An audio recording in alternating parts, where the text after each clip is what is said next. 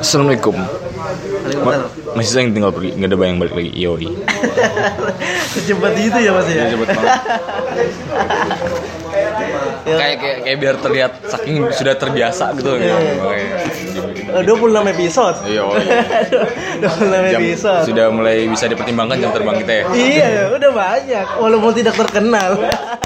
Bodoh. Gak ngerti aku. Kenapa kita tidak terkenal ya? Itu masalah marketing cow. Oh iya. Itu masalah marketing. Karena kita tidak serius kan dalam marketing kan. Iya. Itu alibi yang sangat. Kita kan konten kreator ya. Iya. Bukan tim Bukan- marketing. iya. Beda, beda. Tapi emang ujung ujung tombak banget sih ngomongin marketing tuh. iya sih.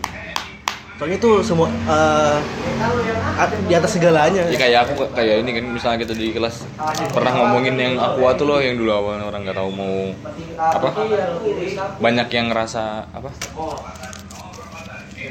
gak bakal laku ternyata laku jualan air doang bro Iya, air Gara-gara putih loh air di, dijual, Cuk. ya kan kayak bener-bener masak air udah kelar, Cuk. mm-mm. hal yang orang nggak harus bayar terus sekarang dia bayar.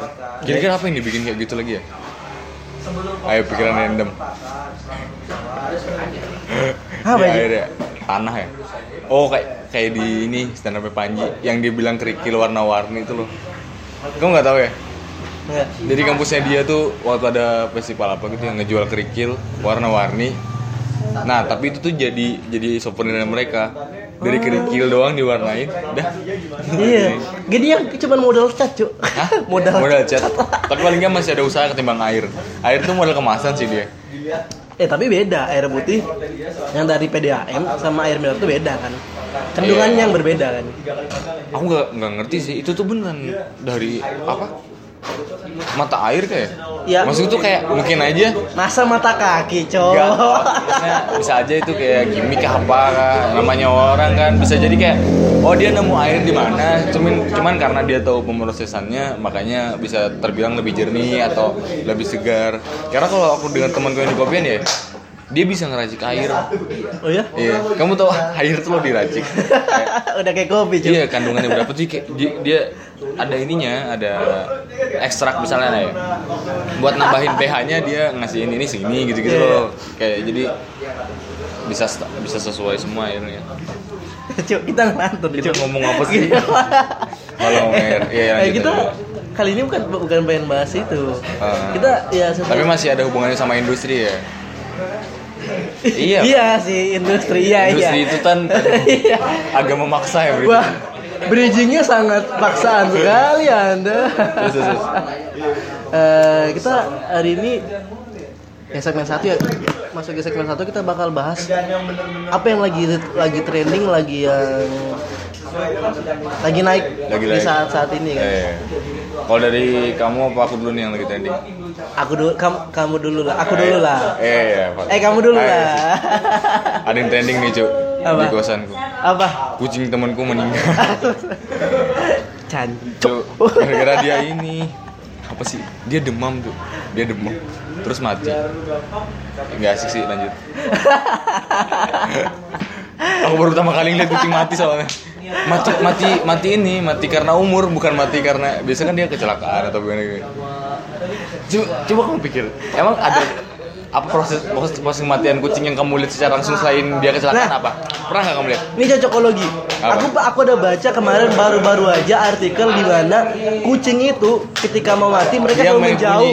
dari majikannya, Iya, dari majikannya. Atau dari ini ya, dari dari apa? dari keramaian. Dari keramaian. Nah itu mungkin bisa masuk sih kenapa kita jarang melihat kucing mati. Dan- Kecuali kucing kucing Kucing mati peliharaan. ditabrak sama mobil. Nah itu kita lihat aja kan belak belakan kan. Ya mungkin aja dia tuh kayak dia ngerasa mau mati terus kayak dia mau menjauh ternyata pas lewat jalan dia tabrak gitu. Karena tidak tahu kalau Aduh, jalan. banget sih.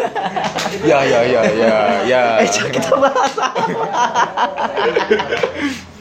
Penting loh itu, pengetahuan anjir. Eh, lanjut yang lagi rame itu Tentang ur ur ur. RU permusikan. Aku agak lupa loh poinnya. Mana aku itu? gak ada paketan lagi. Poin-poinnya tuh loh. Cuman ada kemarin beberapa aku baca tuh yang masalah eh, banyak lah ya. Tapi emang sih kalau ngomongin apa? Kalau mau lebih bijaknya kayak gak usah di ini nih ya gak usah apa. Nggak nggak perlu berlebihan buat ngeresponnya karena nggak semua poinnya itu jelek. Nah, Iya isi. sih. dan aku awalnya ini awalnya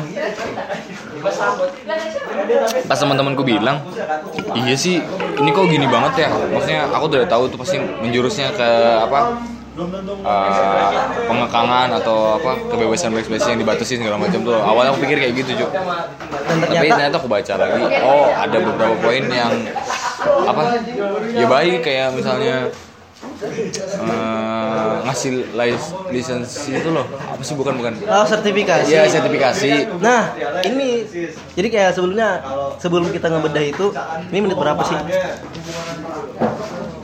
Ya, sebelum kita ngebedah itu, kita harus tahu dulu kenapa RUU ini keluar. Kenapa RUU ini keluar? Maksudnya kayak gini, cuy. ibaratnya gini. Eh, kenapa UU ITE itu keluar? Karena ada karena dulu tujuan awalnya biar me, apa namanya? kayak mencegah hoax, hoax kayak gitu. Ah. Eh, ujaran kebencian dan lain sebagainya. Penipuan kan banyak penipuan online apa segala gitu. Itu keluarlah UU ITE nah musik Indonesia sekarang lagi turun. Enggak kan? Enggak enggak enggak. Jadi yang dipertanyakan itu ini Mas Anang ini mewakili musisi Indonesia yang mana?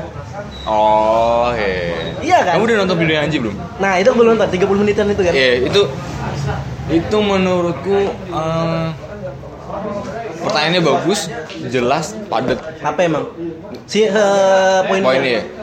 Jadi beberapa poin yang tangkap tuh Anang sebagai penggagas, cuman dia tidak tidak merumuskan secara keseluruhan untuk untuk RU-nya. ah bullshit eh gini gini gini Jadi anti gini gini pemerintah gini gini. gini Biar wah, kita menentang. Ya, jangan sensitif, sensitif lah. Maksudnya dia dia nggak nggak merumuskan semua. Dan suatu ditanya kayak poin-poin yang ah, dianggap kontroversial kan sama Anji. Terus berarti mas setuju nggak sama yang ini? Oh enggak, saya juga nggak setuju gitu. Karena emang nggak semuanya dia yang rancang. Dan itu sebenarnya kan masih masih beta ya tanda kutip.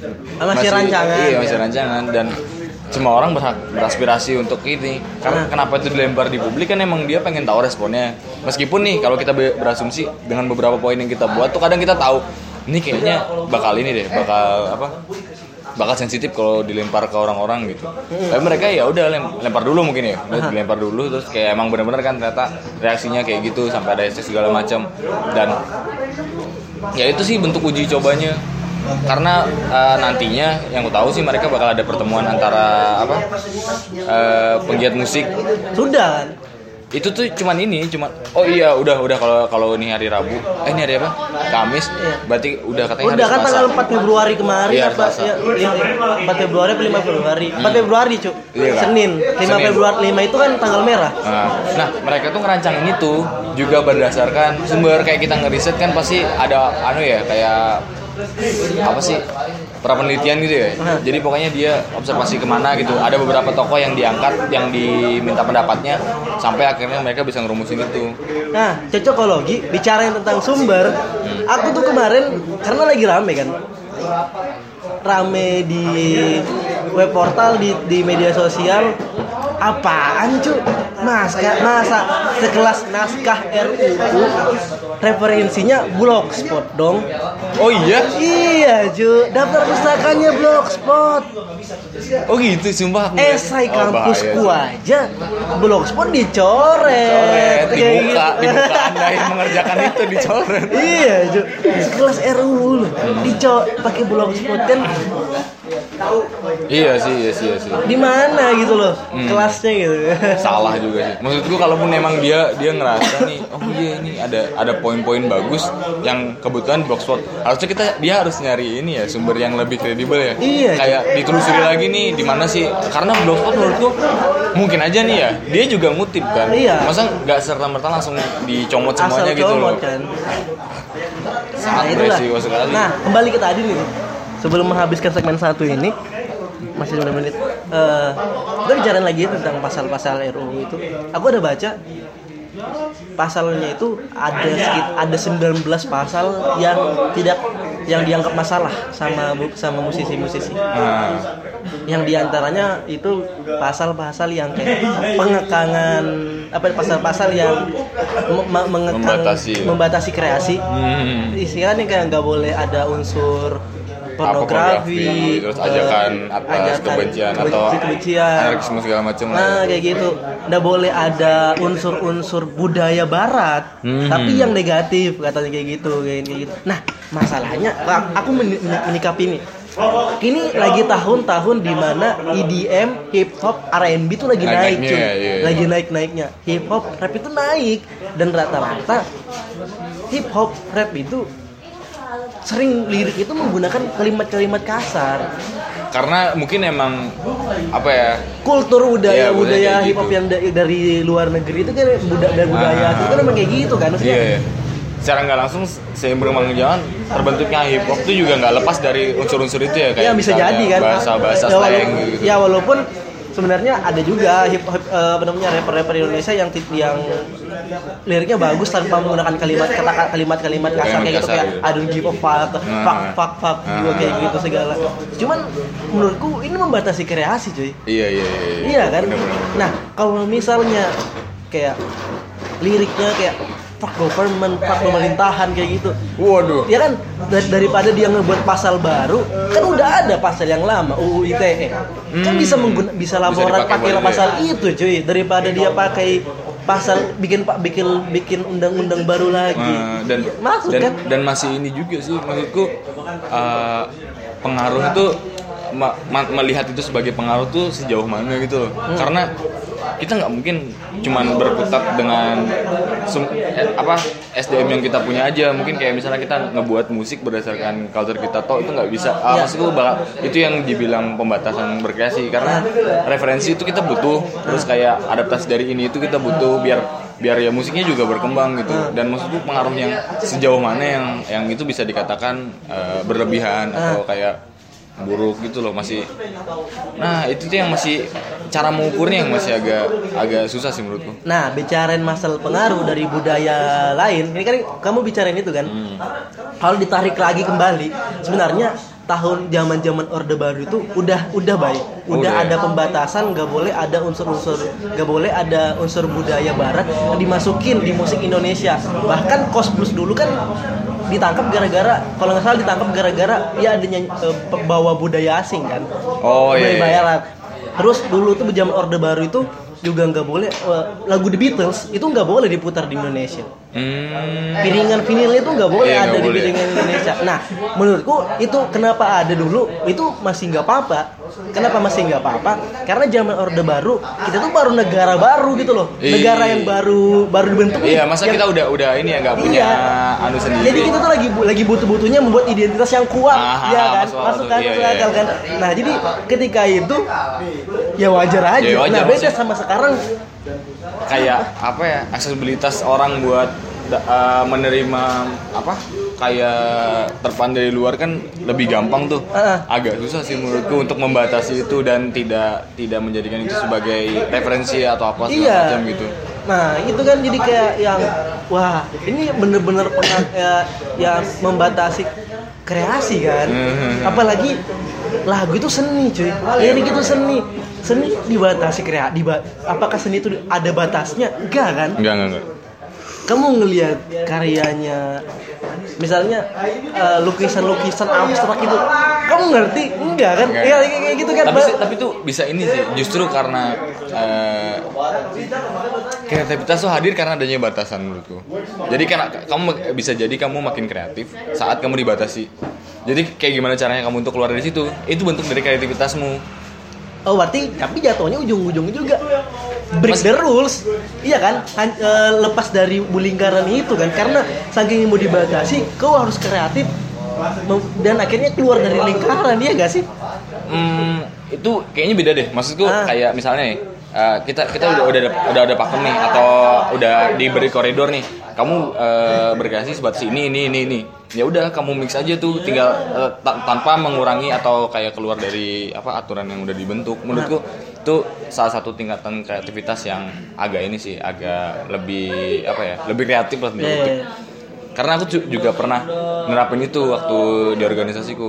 Nah, Jadi kalau boleh cerita dikit dulu aku sempat bikin program gitu ya. iya eh, di mana sebelum di- sebelum aku eh, aku sama temanku itu di tahun kami yang menjalani program itu program itu tuh dibatasin gitu. Eh nggak dibatasin untuk cakupan wilayah pengerjaannya. Tapi di waktu kita kita kita batasin. Dan itu tujuannya ya itu tadi awalnya mereka bilang kayak "Uh, kalian kok ngebatasin ini? Itu sih kita kan bergerak di ranah kreatif kok malah dibatasin ya justru karena kita pengen kreativitas itu makanya kita batasin. Sekreatif mana mereka untuk tetap eh, ada di batasan ini tapi menghasilkan sesuatu yang lebih baik gitu. Karena kalaupun aku berkaca dari luar ya nggak aku nggak setuju dan nggak terima sepenuhnya juga ya. Maksudnya bukan bukan pro banget atau bukan yang nolak banget tapi aku cuman ngasih sudut pandangku gimana sebenarnya kreativitas ini bekerja gitu loh. Ya. kayak ya udah misalnya kita oke lah kita nggak bisa dapat pengaruh apa eh, susah dapat pengaruh dari luar dengan dengan adanya regulasi itu tadi. Tapi kita ngelihat orang luar tuh loh dia kan nggak nggak dapat apa apa dari kita. Ya mereka berkreasi aja gitu mau nggak? Gak juga sih sebenarnya. kayak misalnya nih Dari orang tahu- orang barat tuh bikin ya bikin aja dengan dengan budaya yang mereka punya. Dengan, dengan sumber daya budaya yang mereka punya. Mereka nggak nggak nggak terinfluence secara masuk dari budaya-budaya lain. Malah justru kayak misalnya uh, di Jepang mereka ngadaptasi budaya barat jadi kayak uh, hip hopnya ditambahin ini lirik-lirik barat. Tapi orang barat nggak ada kan yang nambah-nambah Jepang kecuali musisi Jepang yang berkreasi di barat. Hmm. Nah maksud gue mungkin ya mungkin negara kita tuh pengen kayak gitu, pengen kita benar-benar pure jadi jadi seutuhnya kita gitu loh. Biar kita yang jadi trend center sekarang, nggak nggak melulu orang lain harus kayak apa masuk ke kita. Oh, iya. Sama kayak Korea, Nah, yang eh, Korea kan kayak saking saking populer mereka sampai kita secara nggak langsung berusaha pengen tahu tentang mereka gitu loh. Bahkan sampai belajar budayanya, belajar bahasanya. Jadi itu mereka percaya diri dengan dengan ininya mereka aja. Nah, kalau bicarain Korea, yang menarik itu boyband itu baru ada tahun 92 cuy. Baru mulai tahun 92. Sedangkan tahun 92 di Indonesia udah ada banyak band-band yang bagus. Ah terus semuanya. Itu Korea sekarang udah semaju itu. Kita sekarang permusikan malah menurutku dengan adanya RU ini malah jadi turun cuy. Oh. Karena ada iya. ah, ya gitulah hasilnya kayak Nah. da- Korea loh 92 ini 2019 gitu loh kita dari 92 itu Oh 92 tuh mereka udah ngerancang baru mulai Oh baru mulai, K-pop baru mulai Kayak K-pop benar-benar baru numbuhin bibit gitu ya Iya, Terus sekarang, sekarang, segila udah, itu loh udah manen banyak gitu loh, hal makanya gitu. kita Oke. kalah gitu loh jadi kayak jauh kan di, dari, dari itu Jepang kalah kita Oh kayak Jadi gitu emang loh. Maksudnya dengan adanya ini bukan sebuah jawaban permusikan Indonesia malah makin maju. Oh ya iya. maksudnya aku ngelihat dari segi-segi dari sisi orang yang ya kita masuk ke ya kita tinggalin masalah kreasi tadi apa namanya apa namanya Iya, eh, kreativitas ya. kreativitas tadi eh bentar dulu ini menit berapa Aduh udah 18, udah ya kita masuk ke segmen 2 Iya, dulu ya segmen dua, iya. segmen 2 baru kita lanjut bicara itu Ah. lagi ya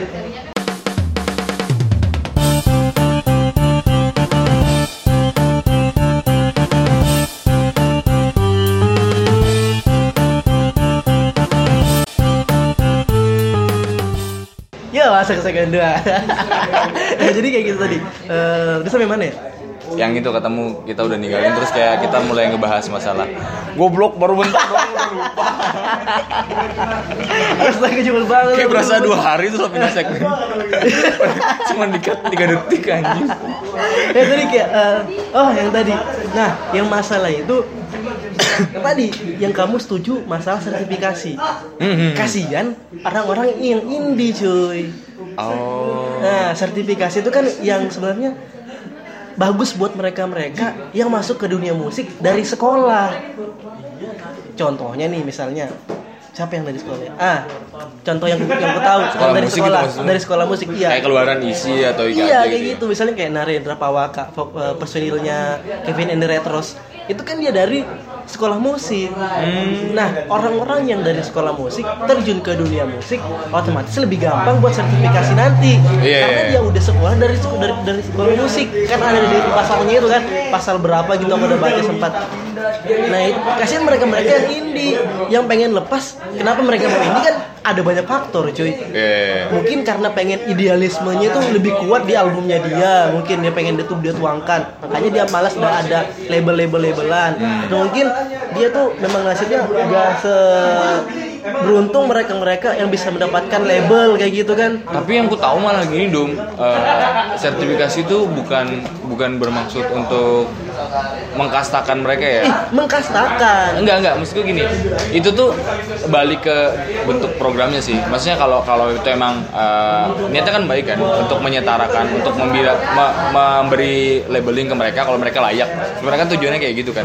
Tinggal kayak gimana itu ntar bisa dikelola dengan dengan ini dengan dengan dengan gampang. Kayak misalnya nih, kita di luar jalur akademis nih, kita bisa masuk tuh ke ke mana? ke ke program itu ke sertifikasi itu dengan gampang ya udah jadi semua yang pengen menguji kemampuannya dalam tanda kutip ya dia tinggal tinggal ikutin itu aja nah itu kalau lulus iya sih kalau ya kan? kalau nggak lulus nah sedangkan musisi-musisi Indonesia bukan bu- bukan bukan Danila bukan Glenn Fredly bukan Anang. Pang-pang rock jalanan bagaimana dengan mereka? Anak-anak pang rock? Eh, kan kita harus mikirkan juga mereka yang nggak punya biaya untuk buat beli alat musik lah segala. Kan sertifikasi itu kan bakal jatuhnya kayak gitu juga kan pasti.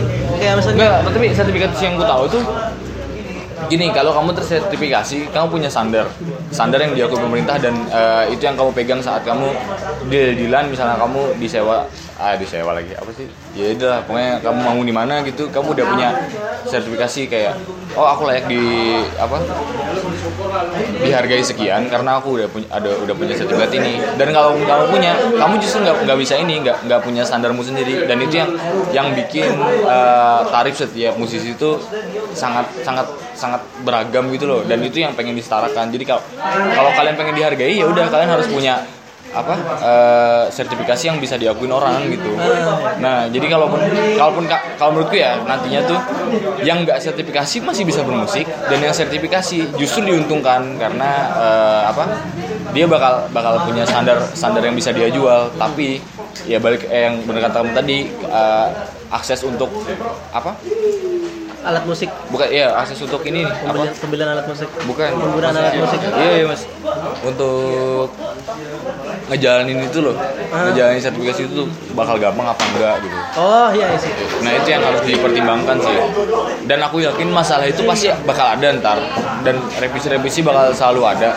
Cuman kalau ngelihat niatnya ini tuh harusnya tetap didukung cuman harusnya cara kita mendukung itu ya dengan merevisi itu ah iya karena memang banyak yang musisi-musisi bilang tolak kan iya tolak maksudnya revisi aja Nah, aku baca postingannya Tontowi Yahya. Hmm.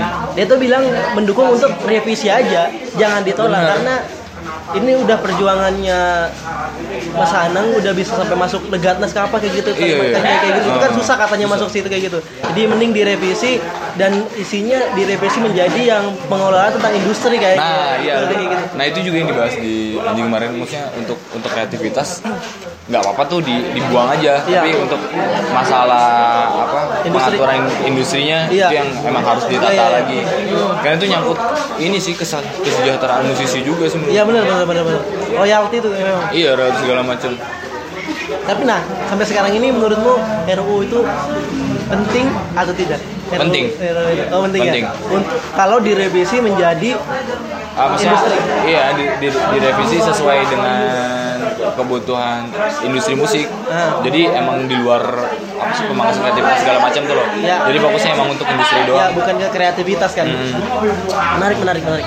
itu itu juga gua harapin bisa ini sih bisa bisa ke semua lini gitu loh jadi nggak musik doang di bidang-bidang seni lain tuh uh, hal serupa tuh bisa diterapin jadi berkesenian pun emang tetap harus ada apa ya ada ada jenjangnya atau ada ininya ada ada jalur yang yang bi- bisa jadi nggak ada lagi tuh narasi yang bilang berkesenian mau jadi apa gitu karena negara pun udah mendukung dan jalurnya pun udah dibuat jadi ya, kalaupun kamu mau ini caramu untuk untuk hidup ya lewat berkesenian kamu bisa kok hidup dengan dengan cara itu karena emang apa pemerintah udah udah nyediain ininya tracknya gitu Ya, ya, ya. tinggal kayak gimana kamu bisa apa ngejalaninnya aja Ya ya. ya. bagus kok sebenarnya karena banyak hal banget sih menurutku ya ada banyak ada banyak yang eh, untung dengan tidaknya ya Iya. Un- untuk untuk sampai saat ini gitu loh untuk, untuk sampai saat kalau mas kalau masih kita lihat dengan draft yang sekarang ada untung dan ada tidak Ada. ada tidaknya tapi buat banyak orang di- banyak tidak ada untungnya gitu. maksudnya banyak tidak untung gitu loh Iya, banyak banyak merugikan secara langsung ke mereka ya. ya itulah nah lanjut lagi kita bakal ini menurut apa sih 24 eh kita gak jauh-jauh sama dunia kreativitas Kreativitas. Yoi. kita Ini kita kreatif, Jo. Ini Iya. cara kita berkreasi. iya cuy kita punya Konten konten kreator. loh ya temen gue sudah bilang kamu kapan balik le balik lah dulu ke berau coba kau buka kayak gitu-gitu di berau lagi apaan ini podcast dalam hati gue buka apa Warung. gimana serius makanya udah kayak usaha anjing dalam hati gue nah bicara tentang kreativitas kita pengen bahas tentang masalah gak jauh dari kreativitas kita bakal bahas tentang masalah desain dunia Iya. dunianya Bayu nih. Dunia dunianya. Bayu Ya pokoknya industri kreatif lah ya. Eh, Nah, tapi sebelum itu aku bakal memulai dengan kasus yang lagi rame banget. Apa tuh? Kamu nggak tahu? Nggak tahu. Sama Rinda. Oh, tahu tahu tahu. Nah, ya kan, kamu tahu kan pasti kan kasusnya. Kasusnya yang belum tahu, kasusnya sama Rinda, Magnificent sama Rinda, yang di mana logonya itu dianggap diduga plagiat sama logonya uh, Jos Bakwa. Oh, iya Jos ya. Bakwa itu salah satu desainer ternama di luar negeri. Kayaknya sih Amerika deh kayaknya. Nah, dia biasa ngebuat logo gitu ya. Ya dia biasa ngebuat logo itu. Nah logonya tuh sama persis. Kamu udah ngeliat? Udah udah udah. Itu kayak bener-bener sama persis, cuman beda warna. Scale aja sama menurutku. Sama tapi nggak persis yo. Sa- dia sama sama banget. Sebenarnya kalau kalau dibilang persis tuh dia emang plek gitu ya kayak copy paste tuh ya. Ah, Kalau aku kalau aku ngebilang persis tuh kayak gitu. Dia dia emang emang sama dan cenderung cenderung cenderung persis karena dari bentuknya terus kalaupun di apa dibandingin gitu ya. Ya langsung di kayak- scale kan. Iya, sama. Cuman yang menurutmu yang beda apa cuy? Kalau kalau menurutmu itu beda? Warnanya. Ya itu tetap sama. Kan kalau logo awal juga pasti bisa diwarnai. Biasanya kalau kalau kita ngomongin ini ya komponen logo gitu ya, mungkin ada bentuk, ada warna, ada segala macam lah. Dan warna tuh eh, bisa membedakan satu logo dengan logo lain. Jadi maksudku saat warnanya beda, ya udah itu bisa diartikan logo yang beda. Tapi kalau dia karena kan warna punya punya filosofinya sendiri kan. Kalau kamu beda beda warna ya berarti filosofinya beda. Berarti eh, apa? Unsur pembentuk logo itu ya udah pasti beda dan dan menurutku emang itu relatif sama tapi nggak bisa dibilang persis tapi itu agak disayangkan sih menurutku Tapi Jos Bakwa sendiri bilang kalau governmentnya government sama Rinda itu mencuri logoku dia bilang. oh Orang kan di oh berarti dia ngambil dong ya apa? aku aku pikir aku pikir dia nge-trace ber- kayak ngejip apa ngejiplak gitu loh Enggak bilangnya they stole it katanya kayak gitu. Mereka belum ada copyright logoku dia bilang kayak gitu. Oh. Dia bilangin kayak gitu di media di Instagramnya. Bahkan sampai ada beberapa Jangan. orang Indonesia yang email dia dan dia balas kayak gitu juga Iya, gitu. soalnya kalau dari bentuknya emang sama banget kan Sama persis kan Iya. kayak gitu. apa sih kayak bentuk M gitu Iya M A A gitu A A A A jadi. M. Nah, ternyata logo itu kan logo jembatan. Hmm. Itu dia mau bikin logo jembatan nama jembatannya itu A A A, A Bridge kayak kayak gitu. oh gitu Ah, ah, Oh, jadi itu logo jembatan Pasti aslinya. udah masuk banget Nah, pas bentuknya modelnya sama, ada Hmm. huruf M dan huruf A kayak gitu loh. Oh. Nah, jadi pas nama Samarinda sebe- A, Ama kan, A Iya, M iya. A kayak gitu. Sambungin Sama, lah sama. Ini kan sebenarnya menang tender nih. Ini ada satu berapa juta gitu ya ininya 600 ya? juta. oh ini ya hadiahnya ya Tendernya 600 tender juta. juta. Makanya itu menang tender kayak gitu. Perusahaan apa di Jakarta? Oh. Orang Jakarta. Itu yang sayangnya sama orang-orang Samarinda gitu. bener itu ketika itu banyak desainer-desainer Samarinda nih anak muda Samarinda desainer gak dipakai Eh, gitu loh iya bener. paling nggak dibuat sayembara gitu kan Ah. ya kan kayak misalnya oke eh, misalnya aku perusahaan yang udah menang tender nih karena aku menghargai Samarinda oke aku bikin sayembara logo buat logo ini kayak logo ini kan logo wisata Samarinda Iya, kan? logo wisata Samarinda. Aku kan yang menang bak- bakal dapat 60 juta nih misalnya kayak gitu. Hmm. dibuat lah kayak gitu. Kan Iya, enak. kan. anak-anak Samarinda bakal berjuang bakal lomba masing-masing. Ah. dan aku ngeliat kan ada hashtagnya tuh. Hashtag kayak hashtag kayak eh, sedekah atau kasih logo buat kayak gini-gini kayak misalnya kayak gitulah kayak gitu. ya. Kayak gitulah buat dari satu akun dan itu banyak logo-logonya. Bagus-bagus cuy buatan orang anak Samarinda cuy ternyata cuy. Tuh juga tuh. Ah, Kamu kayak sebenarnya kalau kalau aku kalau aku ngebacanya agak disayangkan sih. Aku juga baru tahu dari kamu kalau emang yang ngebuat tuh agensi di Jakarta. agensi Jakarta. Iya, pertama ya kayak eh, jadinya semua terpusat gitu kan. Toh aku juga yakin yang di sana nggak semua pure dari sana kan. Pasti dari banyak banyak pelakunya yang juga berangkat dari daerah.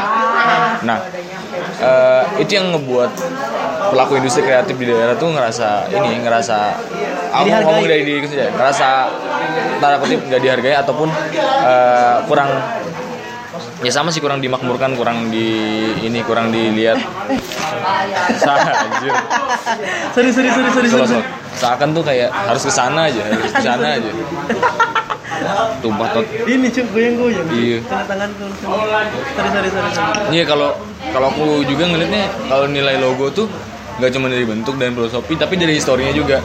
Kalau dia punya cerita nih misalnya di balik logo itu ternyata ada ada apa sih? Ada anak Samarinda asli nih yang ngebuat kan itu udah jadi ini juga udah kayak bentuk kebanggaan. Iya. di, di luar itu ntar bagus apa enggak ya tapi kalau aku tuh aku paling seneng ngebuat semua tuh dari dari aku dah. Iya, iya. kayak ini nih pure dah dari dari Samarinda untuk Samarinda gitu misalnya kayak, kayak biasa biasa caleg kan kayak gitu. Iya, iya, iya, ya udah kayak gitu aja nggak nggak melulu ini toh juga akhirnya kan nggak menjamin kan kalau gini. Iya. ternyata mereka juga apa eh, ngambil dari luar kayak gitu. Nah, dan caranya juga nggak bagus dia, dia beli pun itu menurutku kurang kurang ada effortnya kan Iya iya iya. Meskipun nih kayak kayak tanda tandanya 600 juta, soal harga logo yang dijual 200 juta, ya udah kita beli aja gitu. Ntar duitnya tinggal kita pakai. Apalagi itu logo yang ditaruh di website kan. Nah, Nah. biasanya logo-logo yang ditaruh di website itu harganya kan itu logo udah dibuat. Ya. Logo udah dibuat ditaruh di website paling-paling maksimal harganya 99 dolar. Katakanlah 100 dolar. 100 Hmm. Ya, dolar ya. kan 13 ribu berapa? 13 juta doang. Anjing hampir Ya, lagi. bagus. Nah, 13 juta doang gitu. Kalau dia beli Kalau dia beli ya, semisal harganya segitu. Misal, misalnya kalau dia beli berapa coba? Dia dia beli nih 13 juta doang. 13 Dari 600 juta, juta. doang gitu loh. Oke, misalnya kita, Dari kita 600 sepakatin kalau kalau tadinya 600 juta ya. Iya, Terus 600 kalau- juta itu dia menang tendernya kan. Iya, pasti banyak di luar dari Nah. harga desainnya langsung. kan? Katakanlah 50 juta buat buat logo. Hmm. Kan logo kan otomatis cara, ngebuatnya kan mahal. Kalau Hmm. logo yang dibuat pasti mahal dibanding logo yang udah terpampang di di website. Iya, iya. Karena itu udah Random dibuat- orang bikin ya? Iya, random bikin kan kayak gitu. Nah, kayak kayak kayak gitu. Oh iya benar. Jauh kan? Jauh, jauh, Ada gap yang panjang lebar di antara itu. Eh itu tuh, benar tuh. Nah, Agak kan- disayangkan sih. Nah, mana logonya logo orang yang ter, desainer ternama. Ah. Baku itu Banyak banyak yang ternama. kenal ya. Iya. Aku loh, akan aku juga nge-follow karena aku doi aku tuh suka banget ngeliat logo-logo karena logo itu satu bentuk tapi punya banyak makna. Iya, iya, Ya kan? iya, benar-benar. Misalnya kayak logonya apa sih? Kadang ke dia dia aku lebih suka loh yang tersembunyi gitu loh. Iya, iya kayak logonya itu loh. Yang FedEx bukan. FedEx kan misalnya kayak FedEx tuh ada ada Panahnya. ada panahnya Iya, gitu. iya. Hyundai ada orang salaman kayak gini. Ah, misalnya kayak gitu-gitu iya, kan, gitu kayak gitu. kan. Nah, anjing hampir tumpah lagi coba. Oh, saya gitu. nah, itu tadi gitu loh. Kena, nah, dia sering follow kan. Ini banyak akun-akun akun-akun logo. Kan tau kan kayak logo inspiration Hmm. Kayak tahu, gitu. Itu rata-rata yang ku follow itu bukan rata-rata. Semua logo semua akun-akun logo, logo yang ku follow itu mau follow Jurs Bakua cuy. Oh. Sa berarti Dia nggak nggak sembarangan. Enggak iya bukan orang-orang kayak kita Bukan. nge- nge-publish logo gitu. Bukan bukan warga sipil di Amerika yang tiba-tiba jadi freelance gitu enggak ya dia dia, iya. dia, dia seniman yang udah punya nama juga. Iya gitu loh. Gimana coba? Ada kayak Itu ini fatal sih. salah satu case yang ada yang yang disayangkan disayangkan kan kayak gitu. Ah, itu tuh karena udah masuk di industri dan semua jadi dipolitisasi kan dari orang-orangnya dan itu yang yang bikin apa ya bikin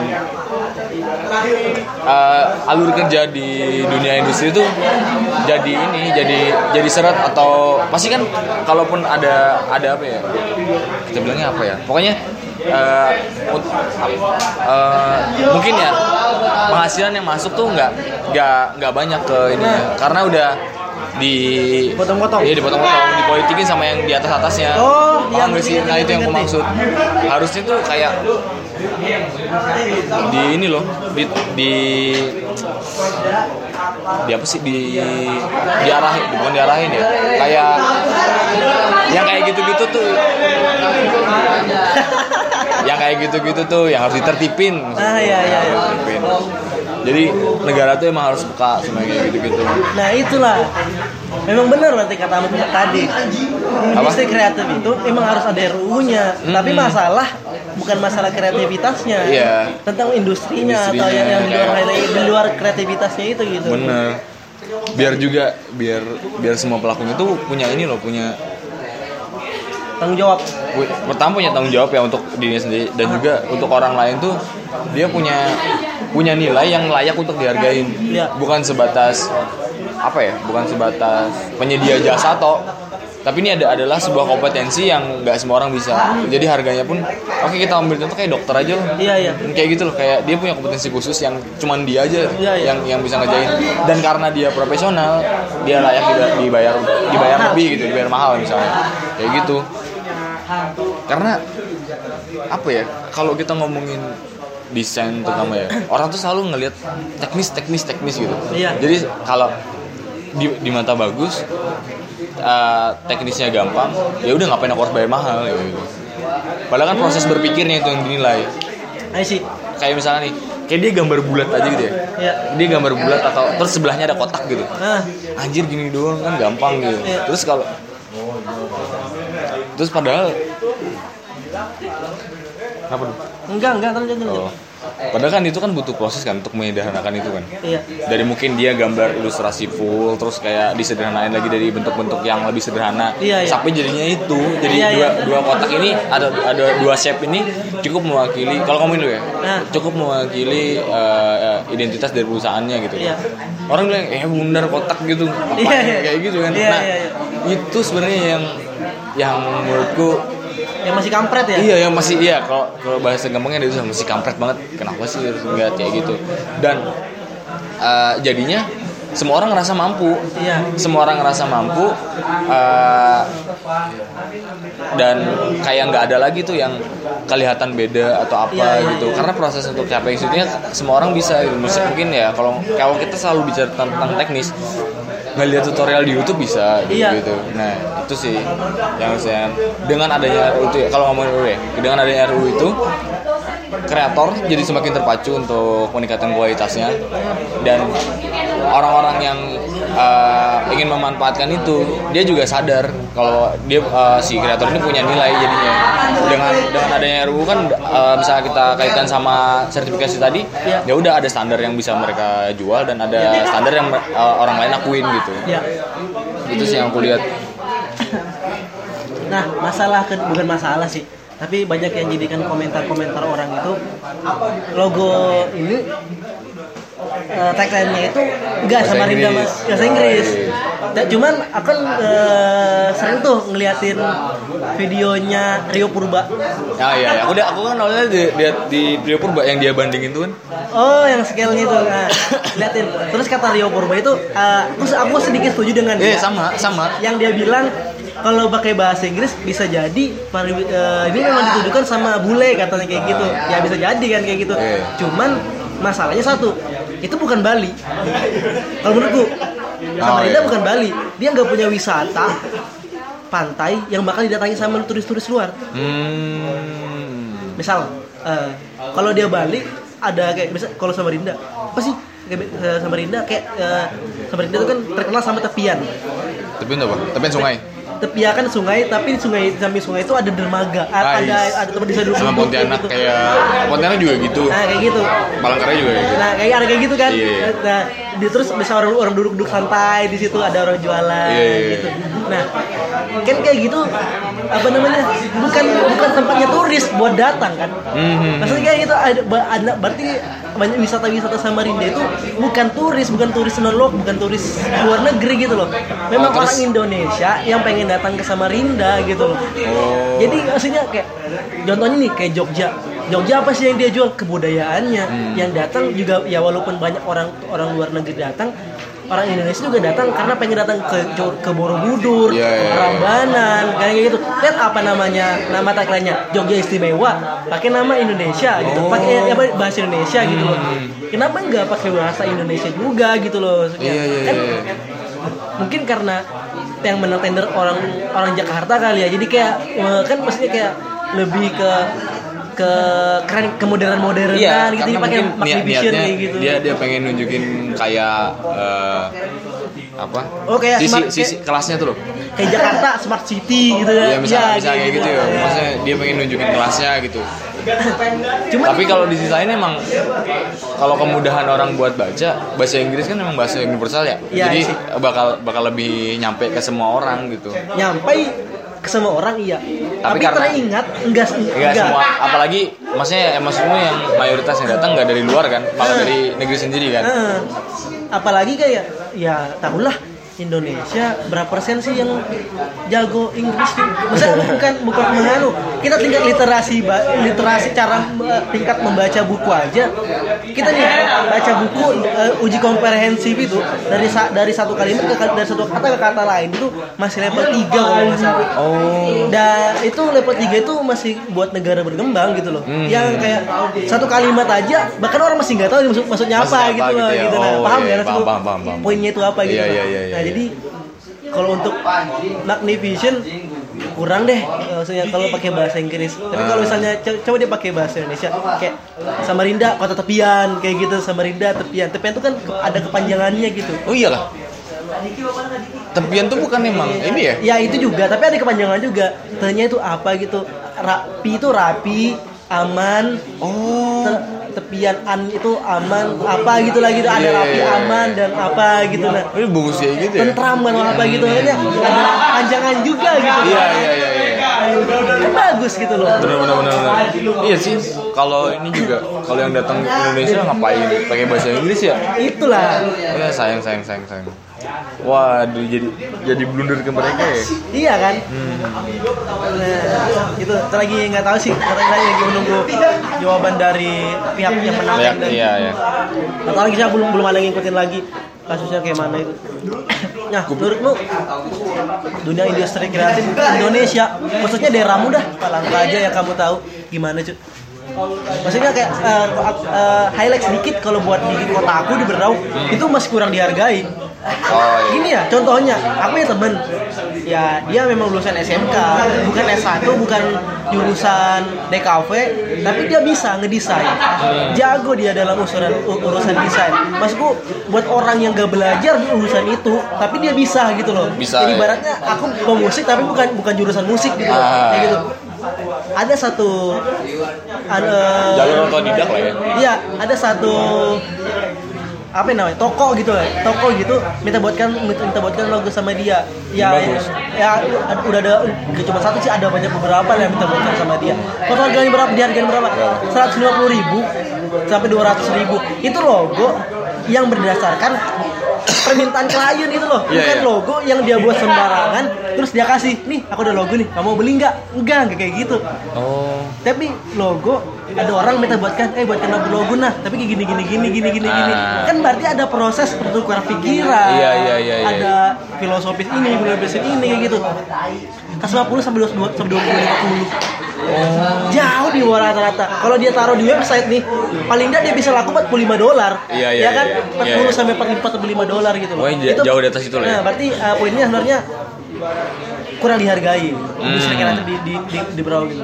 kalau di Palangka Kalau di tempatku tuh eh, dihargain dan dihargai gak dihargain tuh tergantung ini ya pandangan si pelakunya ya mungkin dia bilang 250 ribu tuh dia ngerasa dihargain banget karena ada usahaku yang terbayar Ah. tapi tidak tidak tapi di eh, tapi dari sisi kita ngelihatnya kayak kamu nggak dihargain karena itu nggak sepantasnya eh, bukan harga yang pantas untuk kamu Eh, entar, entar lu. Dia dia mau nerima harga itu karena dia tuh memang orang yang gak ada kerjaan gitu loh. Oh. Jadi kayak ya udahlah mau nggak mau kan aku harus nerima karena aku Iya, butuh iya, duit iya. buat makan, buat ini apa segala gitu. Nah itu kan eh, harusnya pertama tuh ya dengan adanya standarisasi kita tahu dengan nilai segi eh, dengan dengan hasil sekian kita eh, nilainya ini berapa dan kita layak dihargain berapa nah itu jadi eh, jadi itu tadi balik yang kayak aku bilang tadi jadi jadi pemicu juga kan buat kita untuk apa sih meningkatkan kualitas segala macam terus kalau di tempatku dihargain nggak dihargain kalau dari sudut pandangku ya masih ini sih masih Masih kurang. masih kurang masih kurang Masih kalau terfokus ke dunia PNS. Kayak ya, gitu ya, ya, ya, kan? ya, kayak gitu gitu mungkin juga Maksudnya dari pemerintah ini dari pemerintah nih, bukan Hmm, dari orang-orang biasa aja gitu. bukan iya kayak gitu deh masih masih belum belum sefokus itu SDM-nya mungkin ada ya Pasti banyak. pasti banyak dan mereka nggak nggak kelihatan aja Iya. nah karena nggak ada ini nggak ada nggak ada juga nih sama menurutku di industri kreatif tuh nggak ada- Gak ada pekerjaan dah gitu. nggak ada pekerjaan yang diwadahi gitu loh Iya iya iya. maksudku ada nih bibit-bibit yang masih nggak kelihatan nih terus ca- ca- cara cara menjaring mereka kayak gimana dan kayak me- apa sih uh, memperkuat kemampuan mereka ini kayak gimana gitu. Nah itu tuh yang masih masih belum kulihat. Jadi kan kalaupun sekarang nih pemerintah punya kayak tadi yang ngomongin tender ya punya tender sekian gitu agensi paling nyari yang yang mereka kenal, yang mereka tahu berdasarkan link yang sebelumnya ada gitu. Jadi pembaruan tuh minim, yang Ya, ada ya. yang tinggi makin tinggi. Itu tadi dah, makin ada gapnya gitu. Yang yang awalnya dia itu mungkin mungkin ya kalau kalau dilihat kasarnya, oh iya sih ini mungkin nggak usah aja untuk show off dan nggak nggak ada usaha aja buat apa?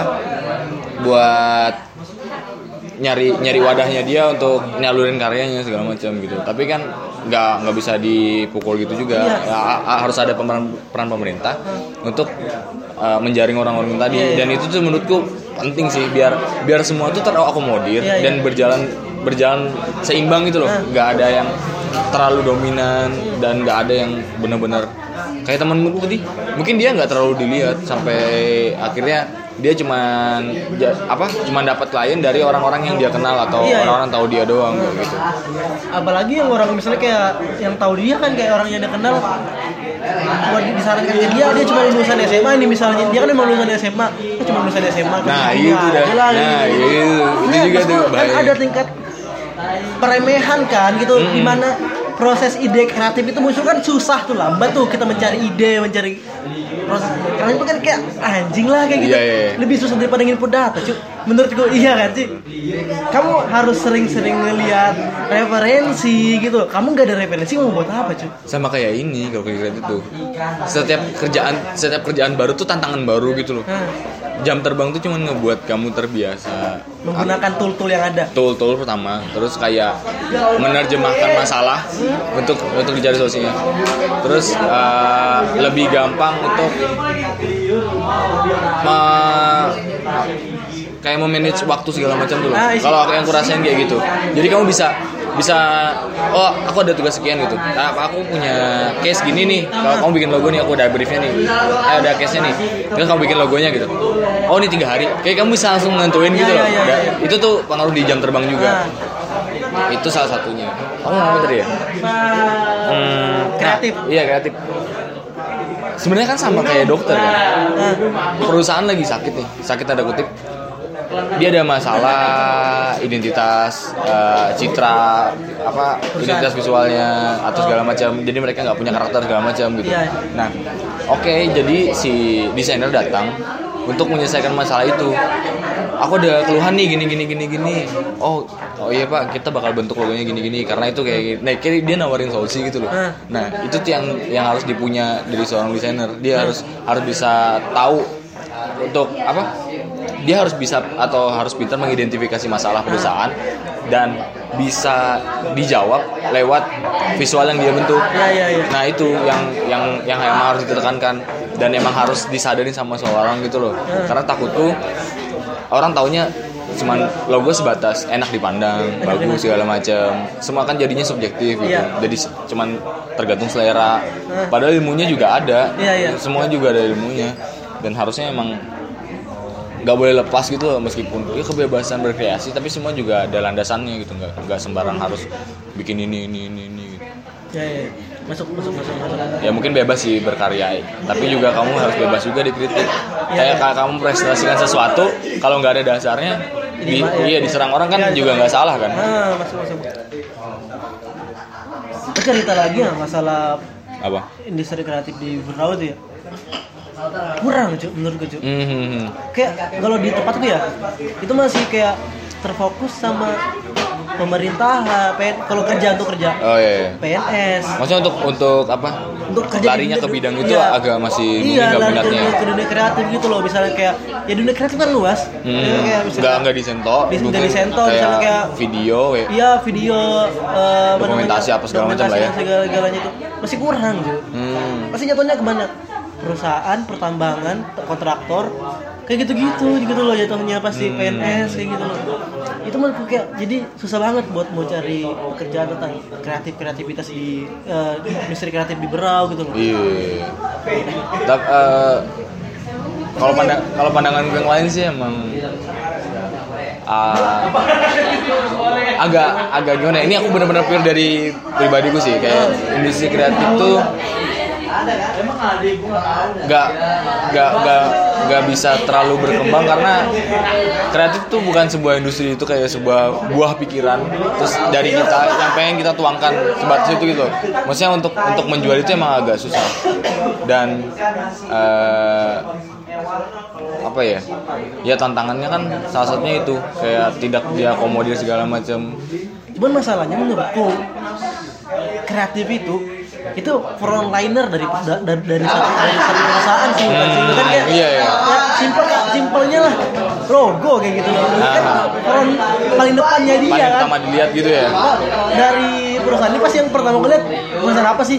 Mega me- mega bintang utama misalnya. Gitu. logonya gimana? Udah akhirnya kayak gitu. Hmm. Ah, Habis- iya. habis dari logonya baru kita lanjut ke PR-nya kan. Iya, bagaimana iya. sih tentang si perusahaan ini? Bagus itu apa kalau- yang kalau industri citranya bekerja emang berarti kan kreatif itu ada di bagian depan. Ah, dan emang nggak bisa dilepasin sih ya benar Iya kan, nah kreatif itu nggak bisa dilepas. Tapi masalahnya sampai sekarang kalau di tempatku itu ibaratnya kayak di belakang belakang cuy. Nggak penting gitu loh gitu loh. Maksudnya kayak, Ah. kayak susah cuy kayak gitu Oh itu mungkin juga karena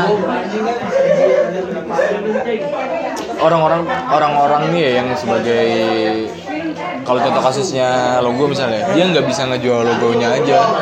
Mungkin aja kayak gitu dan orang pun ngerasa cukup dengan logo yang kayak gini gitu kayak mungkin dia dia dapat dapat dapat desainer ini terus kayak eh, yang paling murah dah gitu. Oh ini bagus nih. Terus nggak ada revisi apa revisi revisi gitu. Ya dia udah udah ngerasa cukup kayak gitu. Jadi dia cuman bikin logo tanpa ngejawab apa apa gitu loh. Yang penting dia serak dia beli gitu. Iya. ya kayak gitu. Ya, kita masih belum bisa percaya sepenuhnya sama si desainernya tuh loh Dum Iya, iya. harusnya kan masa nih kayak pak bapak nih eh, pusing pak. Kayak- kayaknya kena ini pak. Kena kena flu gitu. ini saya kasih obat obat ini ya gitu. Minum tiga apa apaan obat kayak gini? Aku nggak mau aku mau obat yang sirup kayak gitu. Kayak, kita nggak bisa gitu. Nah karena eh, kita kita nggak mungkin kayak gitu kan. Karena kita saking percaya sama dokter. Iya. bahkan dokter nyuruh disuntik aja disuntik aja kita gitu kita kita tahu dia lebih ngerti dari kita. Sayangnya kita nggak memposisikan orang-orang yang bekerja di industri kreatif kayak gitu. Kita selalu mengutamakan selera kita selera kita gitu. Padahal kan yang sebenarnya fokus di di dunia itu kan mereka gitu. Iya. mereka yang tahu nih apa eh, segala macam gejolaknya gitu sampai akhirnya mereka mereka bisa mutusin buat nge- ngebuat ini buat kita gitu. Harusnya kan orang sadar gitu. Ada proses belajar sebelumnya nggak nggak sebatas ngebentuk ngebentuk doang Iya, iya. nah itu sih yang yang masih agak aku kalau Nah, orang-orang tuh kalau di Malang sampai saat ini apa yang terenakmu lah apa terenakmu dalam kamu selama ini di dunia desain terenakmu di dunia industri kreatif ini di Malang di Oh, masih sama sih. Ya sempat kayak kita podcast sama ini kan. Si- Siapa sih? Mas Yudis. Aha. Eh, waktu atau waktu record kan dia bilang kayak kalau kamu nggak bisa ngejual apa eh kalau kamu ngerasa kamu tidak didukung berarti kamu tidak bisa ngejual apa yang kamu ini kamu buat gitu sedikit banyak aku setuju sih kayak misalnya aku nggak dihargai nih dengan dengan karya kayak gini ya kamu nggak nggak tahu aja cara ngejualnya oh Nggak paham kan? Ya, emang kayak gitu salah satunya. Aku juga ngerasa aku kurang bisa ngejual gitu loh. Makanya di awal tadi aku bilang emang marketing tuh penting buat buat ngejual. Yang kita jual tuh uh, cuman cuman sedikit itu yang yang kita jadiin acuan kualitas produknya. Misalnya nih kita ngebentuk logo. Pak, logo kita gini gini gini. Mungkin kalau kita yang presentasiin poin yang keluar dari kelebihannya cuma tiga gitu tapi waktu marketing dia Banyak. bisa banyak kayak Iya, iya. bapak kan gini kalau lo gue misalnya kayak gitu Iya, misalnya iya, direct iya. selling misalnya iya, gitu, gitu.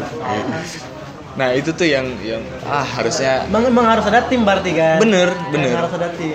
punya tim, punya PH dan itu lagi tetap harus di, di iniin, di diregulasiin. Gimana jalur pokoknya gimana gimana hak sebuah PH dipenuhin atau kayak kewajiban PH dipenuhin gitu. Pokoknya semuanya jadi ini dah tertib gitu. Iya, iya. Cuman ya itulah sudah coba. Agak apa Bang? Gak bisa berkata-kata. Terus, Aku juga nggak tahu sih, Yang, yang maksudnya- gak enaknya lagi selama kamu dunia industri Apa nih nggak enak Jadi desain jadi, jadi kejadian apa tuh. Ya sembarang lah apa yang gak enaknya.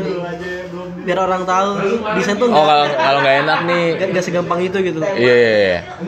Eh, ah, ja- nih ma- jadinya aku merendahkan merendahkan kemampuanku sendiri. Jadi yang awalnya dulu aku aku kayak berusaha bikin ini nih seefektif mungkin dah hasilnya gitu.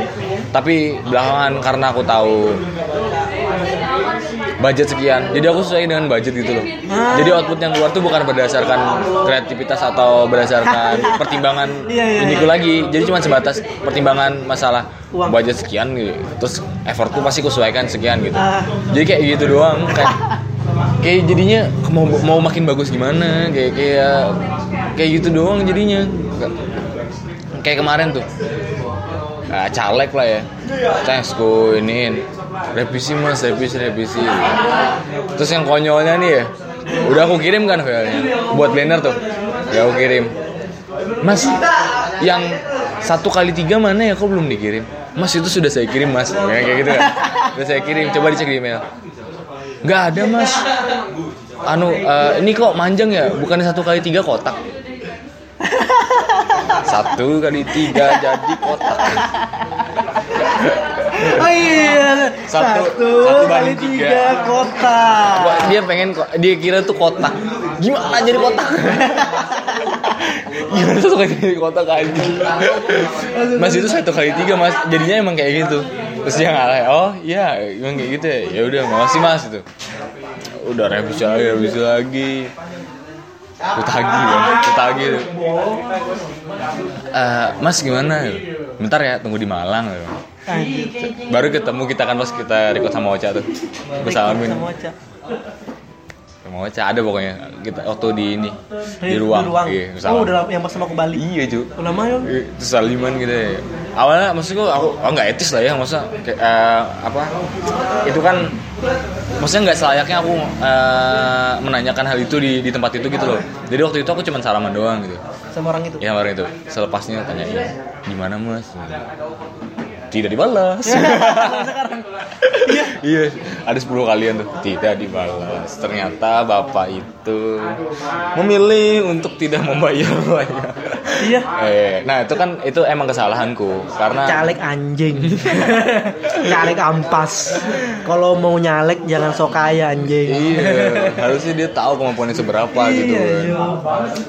Ngerti aku lah sama orang. Maksudnya dia dia bilang ini ini oknum sih ya, aku ngomongin oknum bukan keseluruhan. Maksudnya kayak waktu dia bilang misalnya aku gini gini gini, tapi caranya nggak baik ya pasti ada aja lah ntar balasannya atau apanya gitu lah ya. Kita nggak usah ngomong buruknya. Berarti pokoknya sekarang kamu harus bikin DP cuy. Nah itu yang selalu disaranin teman-temanku. Itu kan bentuk sistem yang harus kita buat kan Harus. Eh, untuk untuk masalah pembayaran dan segala macam. Dan salahmu adalah kamu udah ngirim sebelum dia bayar. Harusnya dia bayar dulu baru kamu kirim. Eh, iya. Iya kan? Nah itu emang itu emang salahku karena itu balik ke pola kerja ya pola kerja orang beda-beda. Enggak yang- masalahnya kamu freelancer, bukan kamu yang digaji per Ah, bulan. iya, ya, maksud gue kalau kalau pola kerja orang-orang kan kayak ada nih orang yang aku bakal semangat kalau udah ada DP-nya nih. Aku nggak gitu, Cok. Aku tuh malah nggak semangat. Bukan nggak semangat sih. Aku tuh tipe yang kayak aku seneng yang susah dulu baru ntar dapat gitu loh jadi aku nggak aku tuh kayak udahlah eh, kita sepakatin dulu nih harganya berapa Nah. terus aku tahu eh, aku mau bikin segimana biarin dulu dah aku bikin gitu serevisi-revisinya ntar kalau udah tuh kayak dapatnya tuh bener-bener kayak gajian gitu loh kayak orang Iya, iya, gajian iya. gitu setelah setelah kerja nah, tapi ya, ya itu tadi celahnya di situ Iya, endingnya harusnya kamu. Mm-mm. Kamu nggak apa nggak apa nggak pakai DP, tapi duit kirim dulu, baru kamu kirim tuh file-filenya.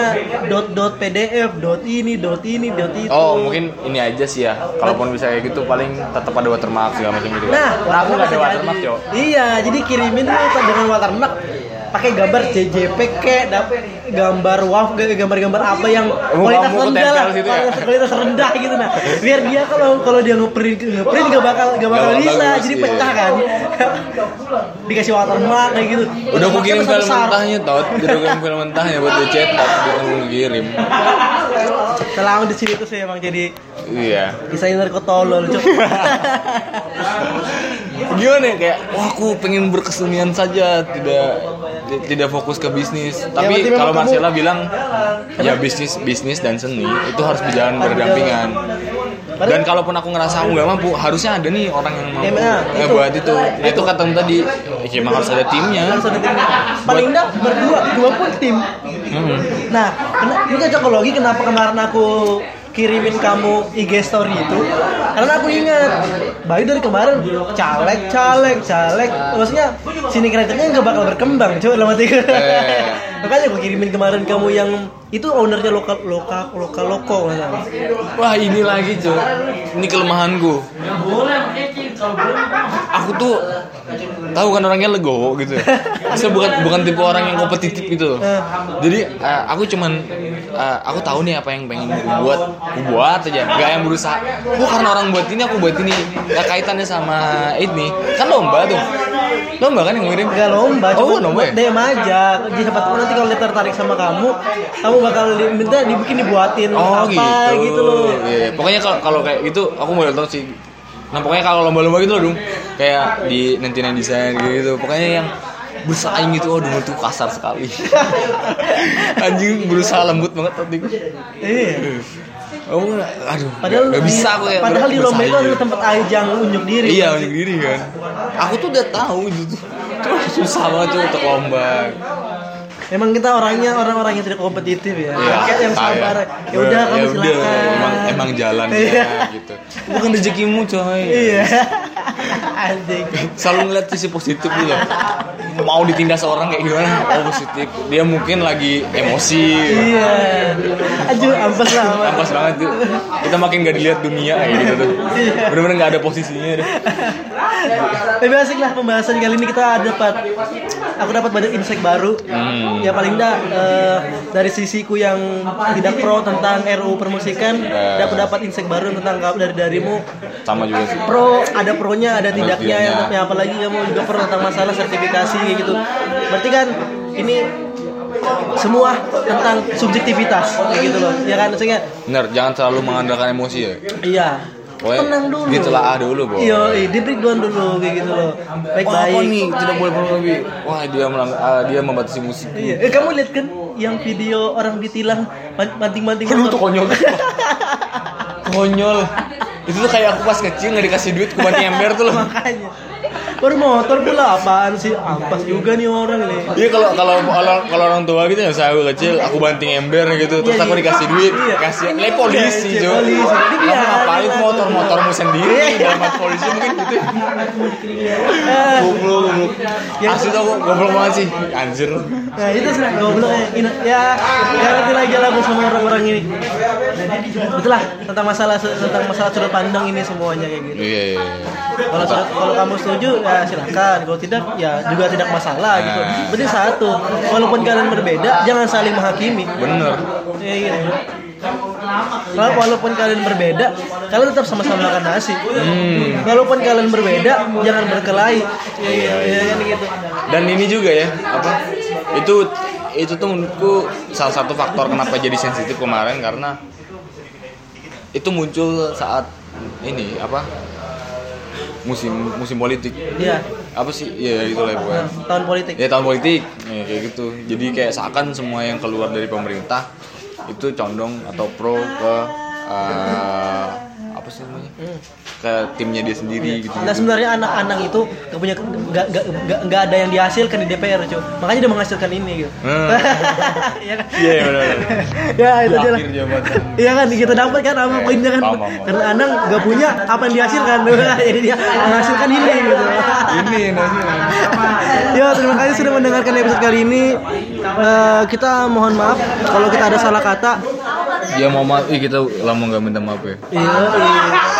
menurut kamu bagaimana pendapatmu tentang industri kreatif di Indonesia Yos kabari kita kabar kita di gandabayang g@gmail.com Yoi. Terima kasih. Assalamualaikum.